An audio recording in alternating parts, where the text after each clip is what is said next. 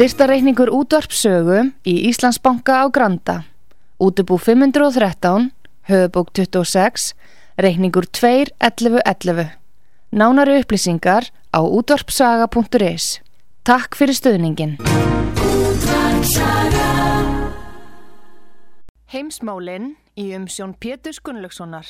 Fréttir og fréttatengt efni af Erlendum Vettvangi.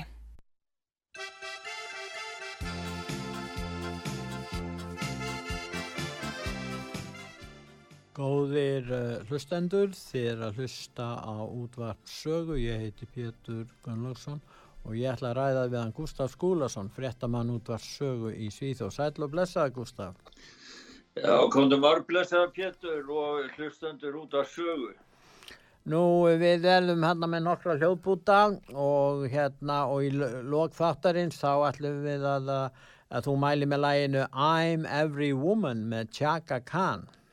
Já, er, þetta er svona hillingslag fyrir konurnar í heiminum og mér finnst ekki veita af því að við veitum þeim smá stuðning og lyftum þeim upp á þann stall við hlið kallmansin sem það eiga svo sannlega skilið. Ég held að Barbara Streisand hafi sungið þetta lag tíman, I'm Every Woman. En er það já. eftir, já, við skulum bara hlausta þá eftir. En við skulum já. byrja í bandaríkjanum og það eru þetta COVID, eh, hérna, COVID stríðið þar og uh, Fauci sem er nú aðalraðgjafi bætens fósita í Livja og smittsjúkdómafræðum, hann hérna er að undirbúa sem að, uh, já, herfer gegn þeim sem að eru ekki bólusettir. Hann er mjög ósáttur við það, eða hann hlusta á hljóðbúti með hann og kannski? Já, gera það, það væri gott.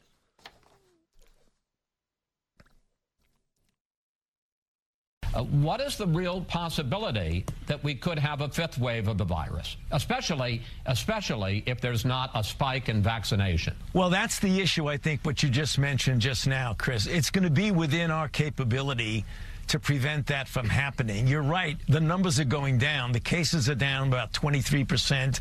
The hospitalizations and deaths are down 17 or 18%.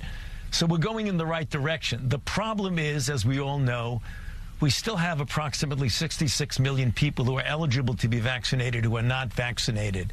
The degree to which we continue to come down in that slope will depend on how well we do about getting more people vaccinated.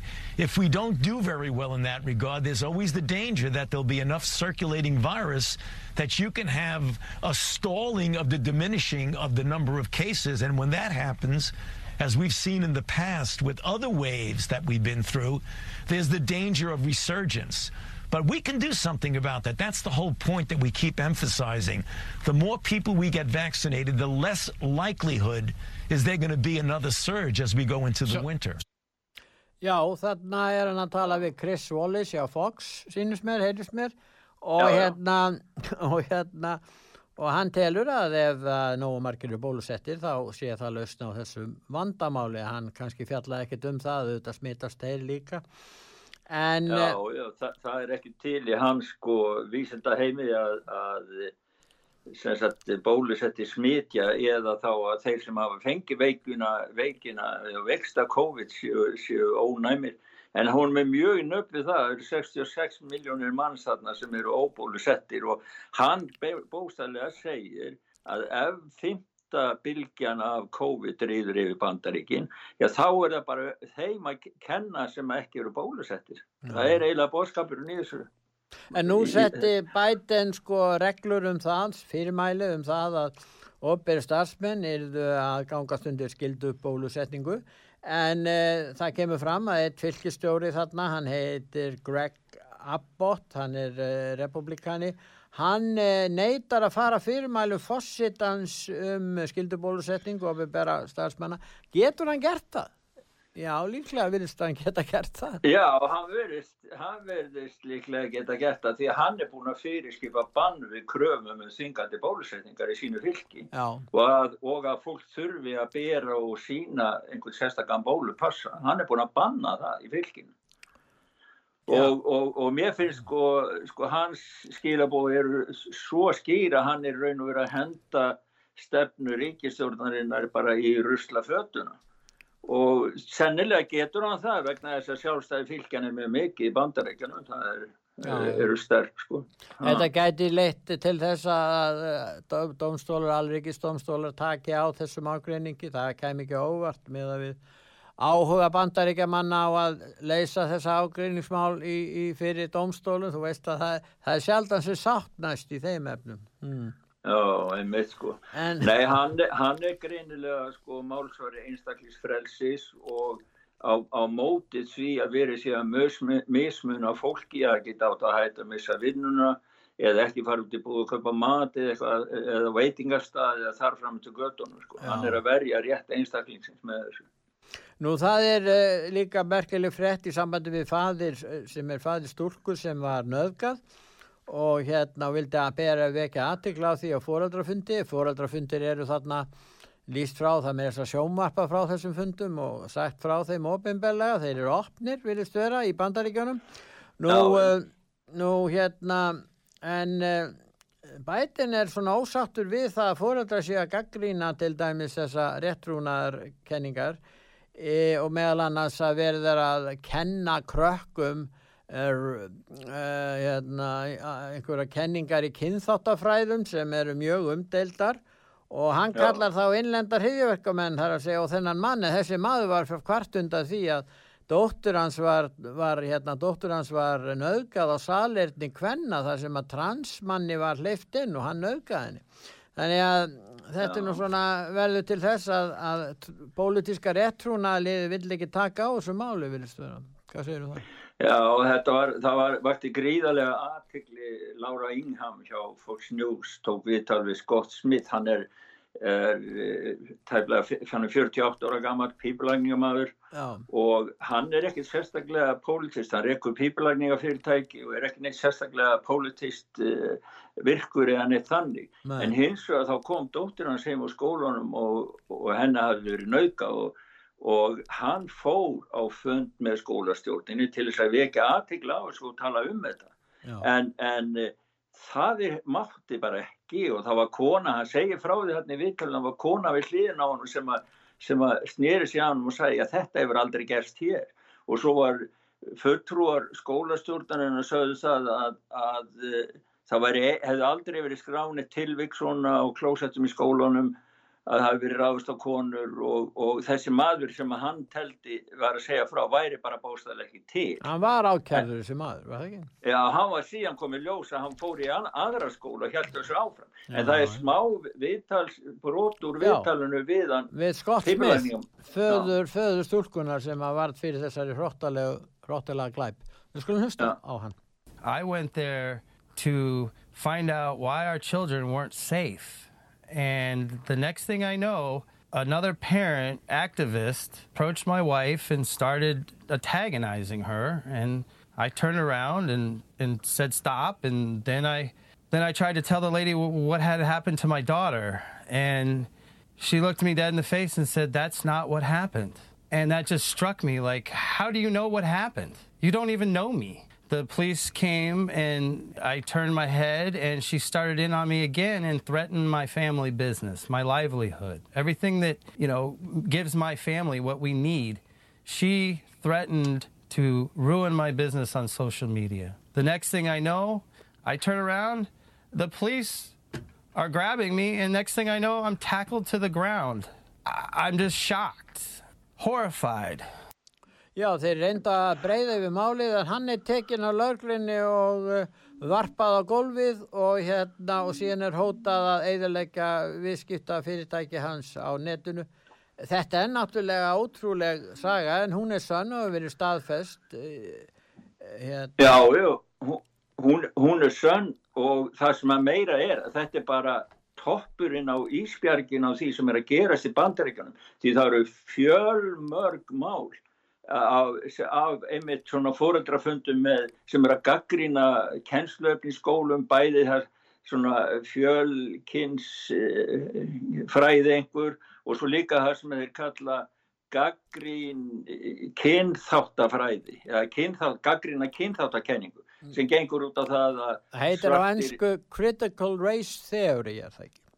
Já, critical race theory einmitt já, CRT er skamstæða þannig Já. og það er, sko, það er vakning það er ekki hægt að kalla hann en vakning skilst mér í öllum bandaríkjanum sem fer um öll bandaríkin núna meðal fóreldra barna þegar þau eru að vakna upp við það hvað verið er að kenna börnunum þeir í skólan Já. og fóreldrarnir hafa ekkert verið beinur um leifi eða haft samráfið þá um það að- koma inn með þessa kynþáttakenningu eða þá það sem að margir telja að vera klámfengi efni til þess að ruggla börn löngu áður eru orðin kynþróska sem þau vilja bara ekkit hafa inn í barnaskólana neitt eða, eða skólakerfi hjá þeim hann í bandaríkjunum. En þetta má ekki gaggrina, þetta segir Ríkisvöld Bætens að sé, þeir eru búin að skilgreina svona fólk sem eru, eru, eru með gaggrínu kennslu efni ríkisins sem uh, innlendar hriðverkamenn. Þetta er náttúrulega alveg sko og, og, og, það bara ítur undir og, ítur undir æsingi, ítur undir mósettingar en þetta dæmum þennan mann er, er mjög skýrt því að hann fór bara þarna til þess að segja frá því að dóttir, það hefur verið ráðist á dóttirinnar á, á klósettinu og hef, hún hefur verið beitt kynferðislega ofbeldi og þessi maður eða drengur hann var, það mátti ekki segja nafna þess að því hann var ekki búin að ná lögaldri en hann var handtekinn setna meira á öðrum stað fyrir að gera sama hlutin sko. Já, en uh, nú er það þannig að börnin elska myndasögur og pólitíski réttrúnaðurinn, hann er að halda innreið sína inn í myndasögurnar, hún er að gera það nokkuð lengi. Og nú það var þannig að hann Clark Kent og Louis Lane sem uh, Superman og, og Bladakonan sem að flestir þekkja sem hafa fylgst með, með Superman, hann á svon sem heitir John Kent, en þessi John Já. Kent hann er hvað tvíkinn hefur, er það sem heitir tvíkyn, bisexual á ennsku. Þannig að, að, að hann er alveg og svo berst hann fyrir svona málefnum eins og að stöðva brottvísun ólögulegra innflytjanda og berst gegn lofslagsbreytingum að mannavöldum. Þetta er, þetta er svolítið, hvað er að Já. gerast þarna? og svo sjálfsög ekki gleyma því að hann náttúrulega rekur árum fyrir því að allir eiga bólusettu Já, og hann náttúrulega bólusettu marg bólusettu fram og tilbaka sko.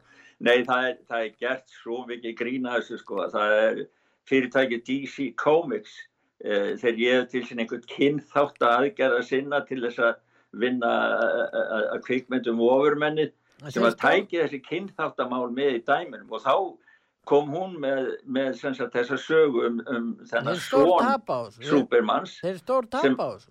Að gera þetta svona. Já, þeir gera það. En, en, en, en, en hérna, sko, þá átti að vera svona pólitist rétt alls saman, skilur jú. Og það, þið ættu bara að sjá, ég sett einu á sögu svona nokkuð tíst sem voru með því að það voru sögur sem voru að tísta, sko, hérna, það er ekkert hægt að gera að fá stjórnmálum beint í handliti og svo var einn sem sagði á meðan ofumenni er ekki fallaður transmaður þá þurfum við ekkert að vera að genna hana neittni svona fígúru sko og, og svo sagði annan það er bóstalega verið að eiðilegja bandareikin en eitt sagði "Va- það verður bara að, að taka þessar línu allalegina út og býtu við ég ætla að reyna að finna það því það var svolítið fyndið sko Já. Eh, það var hérna hann sagði frábært en fyrir fullkomnar útfærslu þá myndi ég líka vilja sjá Louis Lane verða fjölkynneigða Já. og að Lex Luthor verði auðkendur sem sjálfsvitundar lesbía. Já, Lex Luthor hérna, óþverrakallin hérna sem er, Já, já, Lex Luthor, hann að glæpa maður sem er Já, alltaf einmitt, Lex Luthor, að berjast í súfum sko. En svo er kærasti John Kent, það er hvað, Jay Nakamura. Hvað er hann frá, Já, er hann frá já. Japan sá eða eitthvað? Já, það verðist verið einhver svona, sko, í staðan fyrir Louis Lane, nú er það kattmaður, sko. Já, Þá- já. Já, það verður einhver kattmaður, sko, gagkinnegður kallmaður, sko. Já, já. og sem verður ást, sem að þá ofurmennið verður ástfangin af og hann heitir ekki Louis Lane heldur Naku, Nakumara það er eitthvað. Jap, mér finnst það að vera svona Jay, Japans Jay, já, Nakamura, já, það vilist vera svona, já, já. Hann er Ah, fréttamaður sá. þetta er svo fjölþjóðulegt og elskulegt allt saman. En uh, síðan er það þannig að Zuckerberg sem er nú einn valdamesti maður heims vegna stöðu sinnar í, í fjölmiðlum og netri með net sem, sem, sem eigandi netrisana, einn af netrisanum, hann uh, hefur raun og verið komið fram, hann hefur stutt samtök sem vildu hafa áhrif á kostingarnar, á síðustu kostingar og ofinbæra kjörskrár og atkvæðatalningu fyrir demokrata. Hvað hva, hva stendur þetta mál?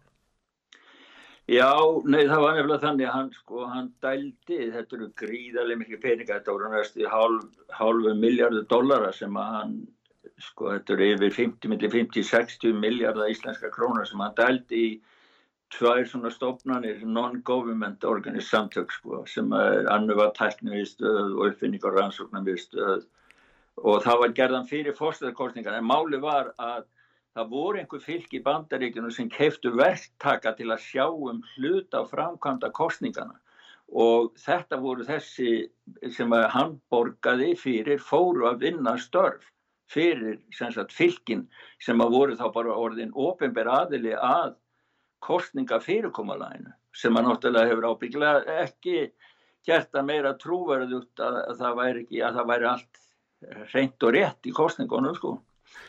Og þannig að það eru margir og það er nú verið að bera saman í þessari skýslu verið að bera saman hvernig pening, í hvað peninginu fóru. Og maður náttúrulega eitt miklu meira í sveitafjölu það sem að eða já sveitafjölu sem að kjósendur stöttu bæten þeir fengu 1,8 dólar á mann miða við kjósenda og meðan þeir sem að stöttu Trump fengu ekki maður 0,2 eitthvað prósent eða eitthvað 0,2 dólara á, á mannin. Þannig að það er svona, þetta er nú bara svona skýrsla sem er að taka upp og það sem er verið að benda á að í skýrslunni það er það að það sé stór hættulegt fyrir líðveldi eins og bandaríkin að vera að fá enga aðeira til að sjá um framkvæmt ofinbæra kjostningar. Sko. Já, það er skritið. En í Kanada þá er ekki eins og stefna, hallinu stefna í bólu uh, passamálum og þar er verið að gefa út bólupassa og þú ferði ekki á veitingastað þannig að hafa bólusettingapassa, er það ekki rétt um mér? Jú, það verður að, það, það er rétt, það, eftir, það skils mér að sé, sé þannig. En það eru nokkur ríki sem eru með hallinu, það er Ítalija, það er Finnland, það er Noregur, það er Svíþjóða, Sumuleiti, en uh, sérstaklega þessi og svo Þískaland og kannski Breitland svolítið, við komum að því og eftir, en þetta er svolítið merkilegt að hvað þessi, þetta er að færast í vöxt, ekki? Já, þetta er, sko, þetta dæmi var nú bara að koma núna sem er á heimasíðu sögu og við erum líka þar með smá hljóp út frá manni sem er að lýsa, sko, hvað þetta þýðir og hvernig morgundagurum verði ef að fólk í sig upp gegn þessu. Já, við skulum, er, sko, já, við skulum heyra hana hljóðbút frá Kanada um ástandi já. þar. Já. We still can push this great evil and we can do it together. So people over there that you're watching, rise up now or tomorrow, it's your skin. Just like I said to the cops, just like uh, what I said to the doctors, the nurses two years ago. They came for my skin. Well, you're not the pastor, so you didn't care. They were my children they were after. They were not your children, so you didn't care. But today are your children. Today is your job. Já, hann er náttúrulega varað við því að þetta haldi bara áfram á öðrum sviðum, ekki bara á bóluefnarsviðinu, heldur á öðrum sviðum samfélagsins að, að, að innleiða bæði aðskilnaðstefnu og aukin afskipti hins ofinbæra. Já, og hann er sko að segja það, sko, hann, hann sagði það sko, ef að þið sem horfið á þetta eða hlustið á þetta, ef að þið ger ekki neitt málanum, sko það er verið að ráðast á mig núna og börnin mín. En á morgun það kemur bara rauðina ykkur. Svo þið verðið að fara að hugsa um máli hvað, hvað er að gerast þetta. Nei þetta var svolítið svakalegt því að þetta var í Calgary, í borginni Calgary, Kanada. Ja. þá var lauruglan hún fór vegna þess að það var bara lítil pítsu veitingarstaður eigandin hafði neitað að framfylgja að krefast bólusetninga bólupassans. Já. og þá var bara lauruglunni og, og hann gerði enga greinum minn, allir fengið að kaupa pítsu kostar sem voru bólusettir ekki. Já. en þá bara var lauruglunni skipað og þeir voru, það er, er myndband af því sko, þeir, þeir komu þarna og voru að reka fólk og svo komu bara sko borga eða bæjarstjórnar starfsmenn á, á bíl og, og tóku bara borðin sem voru út á götunni Og það var, kemur fram á þessu myndbandi, það var annar maður sem að, Kanadamaður, hann heldur upp mynd af skilriki sem að pappan syndi, ég held að hann veri herma, ég veit ekki þegar hann fór út þar í herbúta eða hvort að það var gýðingur, ég bara veit ekki alveg. En hann sagði, hann var að bera saman að hann gæti ekki hreift sín eitt pappans fyrir utan búðurnar sem hann var nefn að hafa eitthvað skilriki og hann vildi ekki fá svoleið skilriki í dag, sann, og er að tala um bólupassan. En nú ef við förum til Tævan sem er um, nú í fréttum, við minnst út af samskiptunum við meginlandi þarna, en Já. þeir hafa staðið sér mjög vel Tævan í baráttunum gegn COVID vilist vera og, og það hafa lengi vel, það voru til til að fáur smittar, þetta er 26 miljómanna ríki. Þannig að það voru, er áætla að þeir byrju nú að bólusetja núna í mars á þessu ári, 22. mars.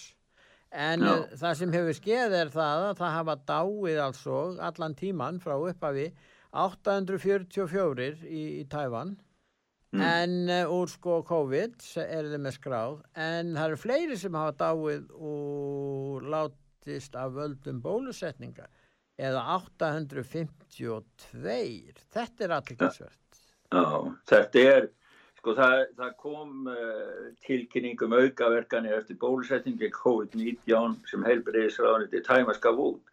Og þessar tölu koma fram í þeirri tilkynningu, þetta eru sem sagt Opinbergögg frá Tæfan og hérna þetta er gríðalegt uh, pólitíst hitamál í Tæfan og það, það virðist, mér virðist, ég er að kíkja á þessi mála þar að að heilbreyðsifjöld hafi klúður að bólusetningunni og þeir hafa jafnvel notað eitthvað bólefni sem ekki var svona ofinbert Pfizer eða eitthvað svo les að að, því að þeir fengu ekki bólefni, þeir öllu þá að bjarga málunum með eigin bólefni þannig að það er gríðarleg stjórnmáleg deila um bólefnamálinn í, í hérna Tævan og þetta er náttúrulega algjört nexli, það er staðfest fleiri hafa dáið í aukaverkunum af sjálfu bólefnunum heldur en hafa látið sjálfum úr sjúkdóm. Já, en uh, það eru mótmæli gegn bóluefnum og uh, já, ekki bara bóluefnum, heldur sérstaklega þessum bólupassa eða bólusendingapassa og það er kallað, hann er kallað grænipassin hjá Ítölum og, og það er, margir hafa mótmælt núna bæðum þessa helgi og síðustu helgi og það eru verkafólk á Ítalíu sem eru á móti þessum græna passa sem þarf að framvísa til að fá að fara á veitingastadi, líkamsræktarstöðvar, sundhallir, lestir, lestar og, og, og, og samgöngu, tæki, strætisvagna og flug. Hvað segir það? Já, já þetta er, það var, voru mjög mikil mótmæli núna uh, þessa helgina, fyrir helgina núna uh, og meðlans það sem er sagt frá og heimasvíð sögu fréttinni frá frá sínu mynd frá mótmælum í Trieste. Ég hef verið í Trieste, þetta er borg sem er nálat Kroasíu og þetta er lítil hafnaborg og ég veit að hafnaverkamenn þeir fara ekki í verkfall þar ekki nema að það er mjög rík ástæða til þess og mál er það að þeir blokkeruðu höfnina og það er vegna þess að þeir vilja hindra að, að sko það, það eru þvingandi skildur að, að þeir, fólk eigi að bólisetta sig yfir 40% hafnaverkamann á Ítalíu eru óbólusettir og þeir hafa einhver ástæðu fyrir því en það á þvinga á til þess að bólusetta sig og það á nota, allir eiga að nota bólupassa til að fá þjónustu eins og sem þú varst að telja upp áðan. Já. Þannig að þetta er, sko þetta er því miður, þá færir allar, allar, allar svona frettir færa hugan nær þetta er eins og á eða vatn sem rennur í mörgum, mörgum lækjum en rennur alltaf að sama lóninu sem er bara minnir á því miður óhugulegt tímabil hérna lengur áður í heimunum gaf ekki yfingum Já, já, en sko það sem að þetta er margir líta svo á að hér séum byrjun á því að taka upp svona vinnubröð sem tikkast í allræðisríkum, eh, tryggja betur miðstýrt stjórnarfar uh, og þetta náttúrulega tengist líka loftslagsbreytingarnir eru líka, það er lagt að lögða áherslu á, á miðstýrða alþjóðavæðingu því að það verður ekki hægt að vinna gegn loftslagsbreytingu nema gegnum alþjóðavæðinguna. Og þannig veldur þetta upp á sig og svo verður fólk orðið vant þessu og uh, það kannski hættir að uh, skilja gildi frelsisins með smám saman. Já, þetta er sko, í, þarna í Trieste þá þurfa verkamenn að greiða alltaf 1500 eurur segt, það getur reikna út hvaða mikið, eða verða að senda launulegst frí frá störfum, það er bara þvingun og hótun, þeir verður bara án. Og svo það án starfa, án launa. Og svo verður hægt að svelta þá bara, þeir fá ekki mat, þannig að þetta er sko við sjáum það Pétur, við erum að tala um sko það, þetta er að skilja land eftir land eftir land eftir landi. Já. og ég veit að bara innan minna eigin fjölskyldu þá höfum við rætt það hvað er að baki þessu ofstæki um allir verða að láta bólusetja sig. Er þetta, er þetta spurningum bólefnin eða hvað er þetta? En þá vilja sumir hjá, allavega hjá mér við eldursporði meina að það sé verið að koma á kerfi sko, bólupassin er fyrsta skrefið síðan verði í framhaldinu bætt inn á sjálfan bólupassan fleiri aðrum banka, bankakortiði notar í bankavískiptum þannig að, að þeir fá smá saman algjört yfirlitt yfir allt um einstaklingin eins og þeir hafi Kína En í Þískalandi þá er það eitt sambandsríki Hessen sem að leifir matveruverslunum að banna óbólusettum að versla mat. Þarna ganga menn hans í land. Sko, þetta er, Þetta- er, þetta er eiginlega, er þetta ekki það grófasta sem við höfum séð? Það er að segja banna fólki að kaupa mat í verslun. Jafnvel þótti séu, er- er- séu með grím og annað slíks.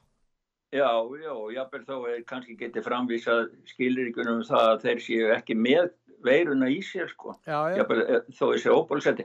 Það er eitthvað, sko, tvö kerfi í gangi aðna sem kalla 3G-reglur og 2G-reglur og hinga til þá sem sagt 3G-reglunar, það er að vera bólusettur eða prófaður eða hafa batna, geta síta að maður hafi fengið veirun og en sé batna og sé neikvæður eða hafi tekið próf og er neikvæður.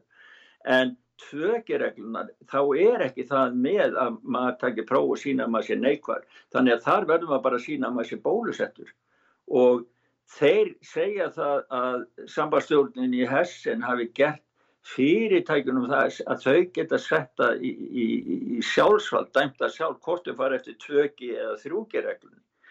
Og við getum nú bara rétt, ég get bara rétt ímynda mér eh, Pétur að, að eh, þeir sem ætla að fara eftir nota 3G reglunar, ef að nú 2G reglunar verða ofan á að það á að banna fólki, óbúlusettu fólki að kaupa mat, á, hvaða búðar eigandi á þá þóra að standa upp þá eru bara búin að sloka eins og þeir eru að gera þarna í Já. Kanada við Já, já. pítsusölustæðin þú veist, þetta, þetta, er, þetta er mjög þetta er mjög óhugnanleg þróun þetta er skerðing á, á, á mannréttundum liðræði og bara lifi, lífi, lífi daglegu lífi fólks sko. En það eru fleiri slæma frettir frá, frá eh, meginlandi Evrópu. Það er verðlagæður upp á við í Þískalandi og Þísk verðbólka kom- er svona svipu og íslensk núna.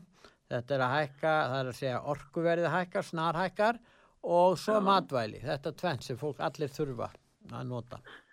Já, þetta er, þeir voru sko, Spiegel var með greinum þetta og spyr hvers vegna allt orðið svo dýrt í Þísklandi því að matvælin hafa og orka hafa snarhækka, salatskálið er núna 35% dýrar en fyrir árið síðan Ólja til húsakindingar eru hækka um 77%, verða á ekkjum um 12,1% og sko þá var, kom ópenbæra tölusöðu það að það er 4,1% verðbólka á áskrundulli í september og sumir spáði að fara upp í 5% og þá eru þeir svona að spurja hvað, hvað, hvað er í gangi? Og þá eru bankarnir að reyna að slá á óreguleika eða áhyggju fólk sem að það verði bruna verðbólka með því að segja já þetta er bara tímabundi vegna þess að fólk sem er að vakna núna eða að koma út eftir COVID það kaupir svo miklu ólíu til að kynnta húsins nýr og það borða svo mikið salat. En eh, við skulum núna hlýða á öllusingar, Gustaf. Þið eru að hlusta á útvarp sögu. Ég heiti Pétur Gunnlaugsson og ég er að ræða við Gustaf Skúlason, frettamann útvarp sögu í Svíþjóð. En við ætlum að hlýða á nokkrar öllusingar og svo eftir öllusingar hlýða, Gustaf, þá höldum við umræðin áfram. Útvarpsaga í Svíþjóð. Útvarpsaga.is Heimsmálinn í umsjón Péturs Gunnlaugssonar. Fréttir og fréttatengt efni af Erlendum Vettvangi.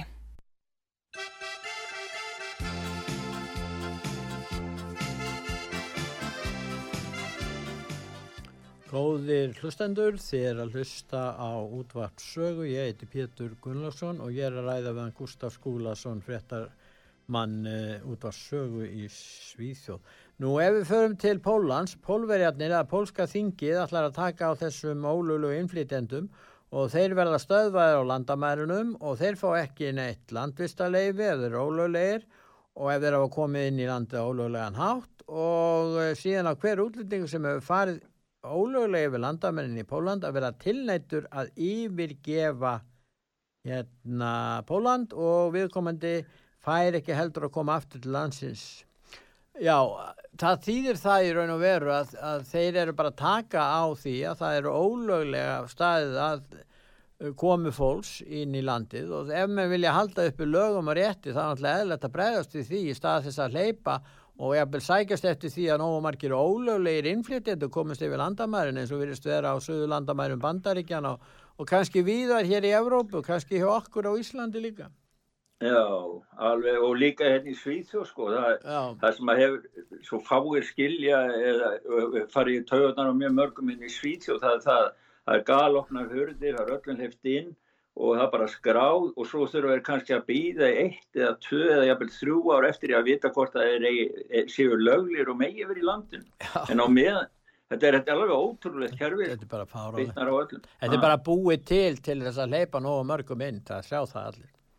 Já, það er það, er það sko, því, þannig að pólverjar þeir eru, sko, þeir vilja bara hafa röð og reglu á sínum málum og ákveða sjálfur, alveg eins og Ungurland, ákveða sjálfur og vita og eins og Danmörk, hver, hver, hverjir, hvaða fólki þeir alltaf hleypa inn, sem er bara mjög sjálfsöð, skynsamleg og eðlileg krafa hjá öllum þeim. Er, my- myndi, ég segi fyrir mig, ég hleypa ekki hverjum sem er innan mitt heimili. Myndi þú ekki, með, hefur ekki, læsur ekki hörðinni hjá þér á nóttunni? Jú, jú, ég er með líkil og það er lokað á nóttinni. Já. Menna, Já, já, það- er, er þetta flókið nei, ég segi, ég segi það líka, ég segi það líka maður. En, En en það, að það er margir sem eru alveg, alveg ösku illir yfir, yfir svona einföldum gröfur. En nú skulum við sjá til dæmis, taka dæmi, hvað gerist þegar svona innflytjendur eru að koma inn. Það er Já. maður, eh, mjög vel liðin eh, þingmaður sem er nú frekar óvennilegt því að stjórnmálamenn er ekki vinsælir í dag fyrir það. En þessi Já. Sir David Ames sem var þingmaður, þingmaður í, í Bretlandi, hérna á söður, söður Bretlandi. Og hann var geysilega vel liðin maður og það tala með þessu anstæðingarnir tala mjög fallega um hann.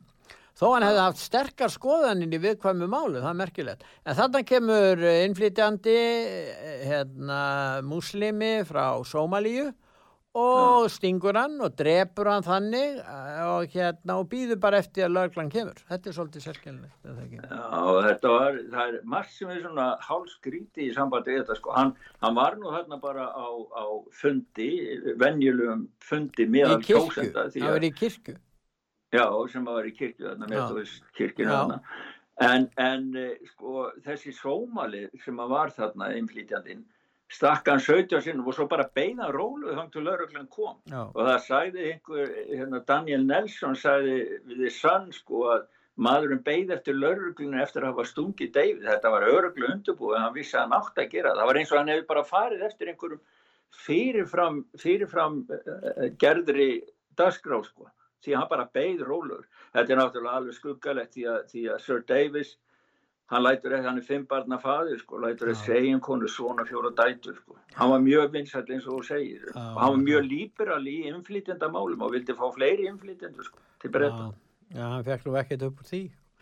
Nei, ja, það var það að senda lók. Já, já, hann, já, já, hann var svona, barðist mjög gegn hvers konar ábeldi, hann var á móti fóstureyðingum til dæmis og svona. Hann var þótti Já. íhalsamur að mörgu leiti en hann var hins vegar mjög vinsall og vel liðinn af öllum. En morðingin er bara 25 ára gamall og frá Sómalíu og hérna, og hann er að þakka fyrir það að fá að vera þarna í Bretlandi og þeir taka mótunum og svona þakkar hann fyrir sig. Hmm. Óhugulegt maður. Já, Jó, þetta hefur líka sett, þetta hefur slegið óhug í breytana vegna þess að það var einhver frá verkamannaflokknum sem var myrtur fyrir ekki svo mörgum árum Já, síðan. já, Líka á Fólk Cox, já, ég man eftir Já. henni, ég man eftir Já, já, Hún var drepin í- rétt fyrir Brexit-kostinga, það hefði verið 2015-16 eitthvað á þeim árum og, Já. og hérna, en það er eitt sem er svolítið merkilegt, þeir eru alltaf að tala þegar þetta gerist og svo er það múslimi eða einhver einflytjandi, þá er alltaf að tala um, já, talið að hann hafi verið undir áhrifum öfga íslamista. Menna, hvað þýðir það? Ef verið að segja að þetta sé bara saklausni áhengi sem hafi óvart kynst einhverjum öfgam sinnum og þá fór þetta allt svona. Mér finnst þetta sérkjörlega umfjöllur, ég meina, hann er bara, ég meina, hann er 25 ára gammal. Ég meina, þú, það, það þarf hann sem ekki til til að stinga einhvern mann 17 sinnum. Það er ekki nóg að hlusta á einhverja öfgakenningar, eða er það? Nei, hugsaður ef þetta er dreigið sko áfram þetta, ég meina, á maður þá að réttlæta morðið á gýðingum vegna þess að þeir voru bara að framkama undir áhrifum yfir, yfirstjórnarina. Þeir afsökuðu sem er því, en þeir, það hefur hjálpaði mikið þar. Nei, nei. Nú síðan í Nóri var annar hriðjuverk og þar var hérna annar múslimi á ferð, en reyndar Já. norskur múslimi, hann var, hann var ekki innfluttur múslimi, hann var, hann var varð, hann hefur tekið, ja, hann hefur nú verið að, að, taka upp þessa trú, nú, þannig að það er svolítið munur á honum og somalíumannum. Sko bæði, bæði þessi mór, hann var, hann var náttúrulega, hann, það var mjög óhugulegt því hann var með bóg og hann var með fleiri vopn, hann hefur verið með stunguvopn því að lögurinn hefur bara ekki það hefur ekki allt komið fram þar ennþá.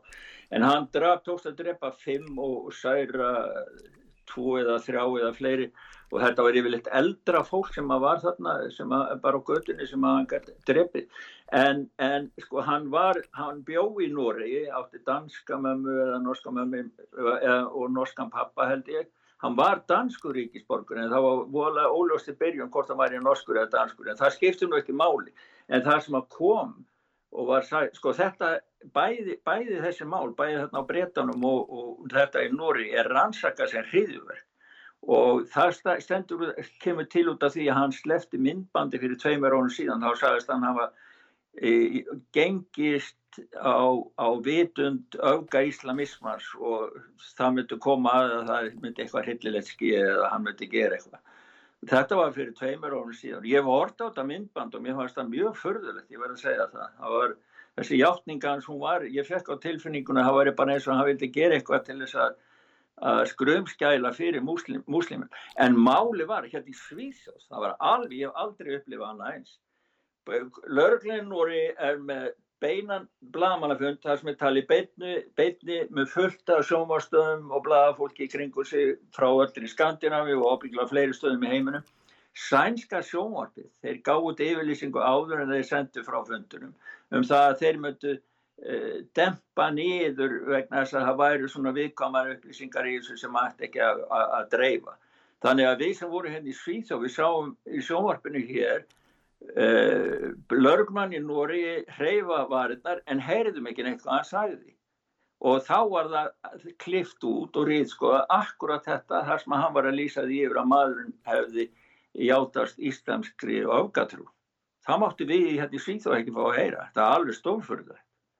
En uh, það sem vakti aðtikli mína í þessu máli þarna var að uh, skömmu eftir að hann var tekinn þarna og það er verið að segja frá þessu þá kom yfirlýsing frá tveimum geðlagnum um það að hann að væri geðveikur. Ég meina, ég veit ekki hvernig það komast svona snemma þessari niðurstöðu og það er náttúrulega ekki hlutverk geðlagnana, það er dómstól sem ákveður hvort að meðaðurinn sé sakhæfur eða ekki og Já. hérna, því að það hefur gerst hér til dæmis, hér var í einu máli sex geðlagnar sem töldu sakborningin vera geðveikan og reyndar bæði ákæruvaldið og verjandin og allt en, og dómari Já. líka en, en hæstir réttu komst að þetta er svolítið hissa þegar eins og að segja maðurinn er geðveikur, við vitum ekkert um það á þessu stíi það getur ekki verið að læknar, geðlagnar geti bara, hva, hvað þekkja er sögu hans og að þeir geti rannsaka hann bara á, á uh, hvað einhverjum klukkutímum. Ég bara, af hverju er þetta gerast Gústaf, hvers konar vinnubröð eru þetta Já, nei, ég veit, veit ekki sko hvort að getur verið að hann hafi eitthvað komið við sögu þeirra áður. Ég, ég er ekki, við vitum ekki nægilega mikið um þetta nei, saman, en hins vegar er alveg rétt. Það er stórfyrirlegt að vera að koma með svona yfirlýsingar. Það er eins og sé verið að draga úr Já, Ha, draga, því ef menn eru, eru ekki sakhæfir vegna geðveiki, þá eru þeir síknaðir, þú veist það, þeir eru settir á stopnun kannski, en þeir já, eru síknaðir, já. þeir byrja ekki ábyrð á er- verknaði, það er það sem er. Já. M- Málið er líka sko að, að þetta sé rannsakar sem hríðiverk. Það er náttúrulega sko allir bara eru þegar springur eitthvað eins og þetta í Svíðsjó, það er verið að loka heilum bæjakörfum, það er verið að stoppa lestaferði, það er verið að rannsaka eh, og það er verið að skjóta og drepa. Það eru allir bara með andan í hálsunum og býða bara eftir að skeið eitthvað hræðilegt. Þannig að maður, það fyrsta sem maður dettur í hug þegar maður heyrir svona fréttir að þetta sé eitthvað ísis dæmið sko. Já, og, og bólupassi náttúrulega tók gildi í, Fin- í Finnlandi, núna bara Já. fyrir helgi þeir samþýttu lögin og þau tóku strax gildi og nú þarf framvísa bólupassa til að fá aðgang af vissum ofinbjörnum stöðum og þjónustu. Og það voru tveir flokkar á móti þessu, það voru sannir finnar sem Já. eru þjóðöldusinnar og svo kristdemokratarnir, þeir greitu að, að, að það er þjóðöldusinnarnir og kristnudemokratarnir. Hinn er Já. greitu aðkvæði með þessu allir, hinnir. allir hinn, sko, 105 atkvæði gegn 33, þeir eru er- bara ekki nógu margir, sko. En, það, er- en þetta, er, þetta er svakalegt, sko. En þetta gildir, sko, ekki allstaðar í öllu Finnlandi því að það var, var talið upp, sko, uh, Satakunta, Ístrasalt, Píæni, Tavastaland, og einhverju fleiri staði svona þar sem að þetta gildir. Þannig að maður veit nú ekki alveg hvernig þetta verður í framhaldinu en hins vegar þá er nákvæmlega sama sem gildir um bólupassan á þessu stöðum eins og við höfum verið að segja frábæði frá Þískalandi og Kanada og fleiri stöðum sko. Þetta er óhugulegt Og við og það er meiri sem verið að ræða hérna í Svíþjóð líka, eru sumi stjórnmálaflokkar sem vilja koma á bólupassa hérna í Svíþjóð eins og til dæmis Öl Kristusson hjá mótirötun. Nú við ætlum að fara til Svíþjóðar, fara heim til Já. þín, hérna Gustaf, og þar heldur ofbeldið áfram, það er ekki, og, og, og það virðist bara vera þannig að löglan bara er, ræður ekkit við þetta. Og, Já, og það- er, það þannig. er, er það ekki bara þannig? Það er þannig. Í, hérna í Stokkólmi þá verða þeir að fá aðstóð lauruglu frá öðrum stöðum í landinu til þess að, til þess að geta bara uh, haldið þessu skefjun. En það, halda þessu skefjun, það er bara að fara eftir á og, og gera vettansrannsóknir og svo náttúrulega það er eitthvað alveg eins og sprengur og annað, þú veist. En, en þeir, þeir hafa ekki mannskap, þeir hafa fækkað í lauruglinni. Þetta er alveg, sko á sama tíma fólki, fólkinu fjölgar, glæbunum fjölgar, þá fækkar í lauruglinni. En það sem að verið að segja frá hér, það var það, var það að sko lauruglinni með sérstakka skráningu með viðkvæðsvæði, viðkvæðsvæði, sérstök viðkvæðsvæði og svo áhættusvæði. Og þeir meta þetta, það skilgrinninga og svo er miðað það hvað glæpa hóparnir hafa mikið lítök í körfunum eða, eða staðbundu svæðunum bæði með eitulega sölu og hvernig þeir stjórna bara heilu samfélagum. Glæpagengin í Svíns og þau eru fann að stjórna ansi miklu öllu samfélagin. Þeir, te þeir tengja ánga sína inn í bankakerfi, inn í stjórnmálakerfi. Þannig að þetta er orðið og það fjölga um þrjú svæði en tvötuðt út af og það var vital veit núna í sjónvarpinu hérna í, í Gautaborg þar sem eitt svæði það er fallið af listanum og hann réð sér ekki fyrir kæti sko, skiljanlega. En þrjú inn, tvö út, það þýr að það er einu svæði fleira, þetta er nú var síðast, þeir var satt frá þessu. Já, en uh, hérna svíjar voru nú hlutlausir í síðari heimstyrjöldinni og nötu nú góðs að því held ég, sluppu vel frá því, en þeir eru að halda núna, voru að halda helf, svona holocaust ráðstefnu eða helfara ráðstefnu og það sem að beinir, þeir beina spjótu sínu gegn helf, uh, antisemitisma í Malmö, þetta var í Malmö, þeir eru bók, það sem að flestir útlýtingar eru nú, er það ekki?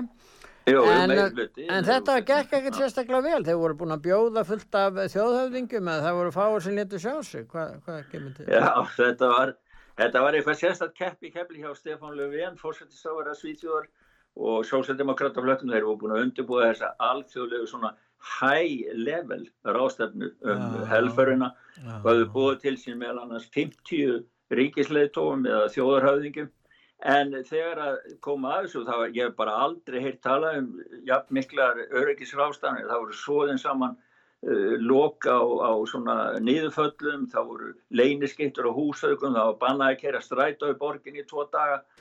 Þannig að þetta hafði gríðarlega áhrif á allt kerfið. En af þessum 50 þjóðarleitóum já, þá mættu tveir og annar þeirra var fórseti Albaníu.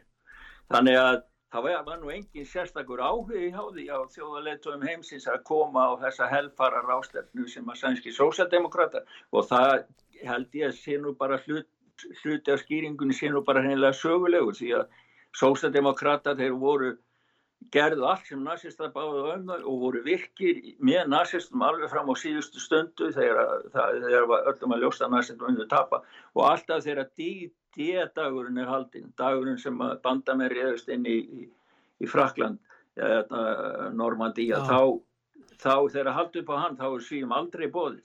Svo hvers vegna ættu 48 af 50 að vera að mæta þann? Já, já. En uh, svíjarnir, uh, sænska ríkisjónin flyttur inn ISIS konur, hriðiverkakonur á samt börnum þeirra og það er ekki gerðan eina kröfu til þeirra. Ef þú ert kona þá er allir lagið og sett hriðiverkamanniska. Er, er það hugsunin að baka þetta? Ég veit, sko, það er engin heil hugsun á baku þetta, Pétur. Ég get alveg sagt hlustöndum út af sögu frá því. Það er ekki heil hugsun á baku þetta. Þetta er, þetta er eins og þetta sé einhver samningur við einhver hriðverka samtök Erlendi sem að Sænska ríkisjórun hefur gert. Því að þrátt fyrir allt sem að sérfræðingar í hriðverkamálum, uh, fulltrúa kúrtista sjálfræðistjórnarinnar, allir tala um að þetta séu mjög hættulegir einstaklingar og það er að vera reknar úr Sýrlandi og það er bara að vera að segja það og ekki vera að taka það hinga þetta er hættulegt fólk og ekki heldur að taka börnum þeirra þá gerir. Það er tíu slíkar svona ísiskonur að fara að koma núna til viðbóta þremu sem hafa komið inn í landu um daginn. Sepo, leinilögna hafið smáfund með þeim kaffibóð og svo var þeim bara sleft. Og það eru á annað hundrað eða á þriðja hundra manns hérna Pétur hérna í Svíþú sem hafa verið þáttakendur hjá Ísis í, í eh, hriðverkum og, og mannsláturun. Þannig að það er ekki bærilegt hér. Nei, en það er ekki allir kratar sem fylgja löfund því að bæjarstjórin í Eskilstúna neytar að taka við fleiri flótamönnum og þetta vakti náttúrulega aðdegli, hann neytar að taka við fleiri flótamönnum og hann segir hreinlega Og hlusti nú vel, skýrt samband milli innflytjanda og glæpa. Hann er ekkert að, að skafa því. Skafa... Nei, hann er, það var mikilvægt margi sósaldemokrata í sósaldemokrata floknum að sett, sett kaffið öfut í hálsinu þegar bæðu heyrðan og sá hann verið að segja frá þessu.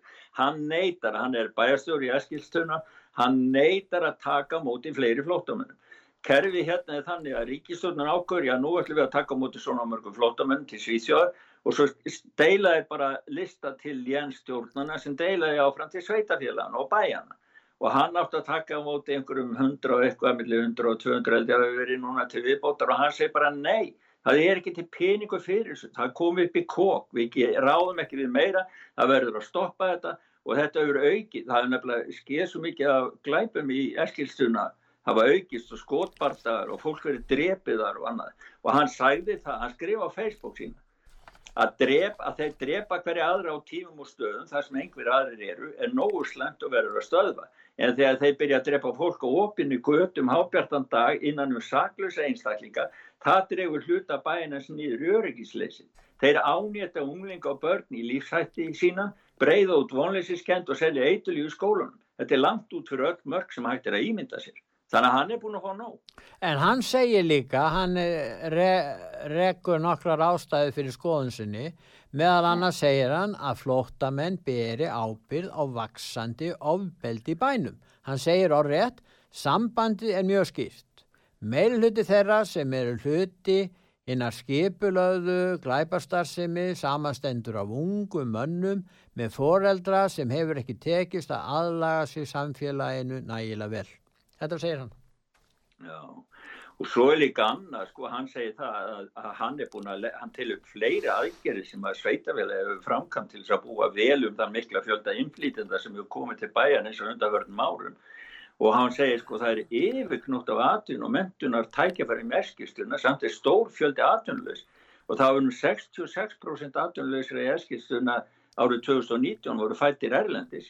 Og hann spyr bara er, er nó, nó, nota nægilega margi möguleikana sem við erum að bjóða upp á? Eða er það eitthvað annað sem drefur hann er náttúrulega í að glæpa mennskunu eitthvað svölun og það alls Já, já, en svo er hann á einn frétt að lokum, við verðum að taka hana fyrir, það er krafa um að geta tala reyðbrennandi arabísku til að fá stöðu húsvarðar í sænskum skóla. Hvað segir um þetta? Þetta er nú svolítið... Já, ég segi bara það að framtíð minn, minn, minn eigin framtíð sem starfandi húsverðu, það er bara búið spil. Ég á engan séðan sérn í Svíþjóð því ég tala ekki orði arabísku. Einar sem ég heyri sagt hérna arabísku það er Allah Akbar. Já, þú kanta. Já, það er svona maður kann. En ég menna, sko, nei, það er búið útilokk bara stóran hluta sænskra vinnusækjanda Já, en þessi skóli, það eru 95% nefnda eru innflytjendur sem tala sjálfsagt aðalega arabísku. Ég meina, hvers, hvernig er hægt að reka samfélag það sem á að gilda eitt tungumál lögin, sænsku lögin eru gefin út á sænsku.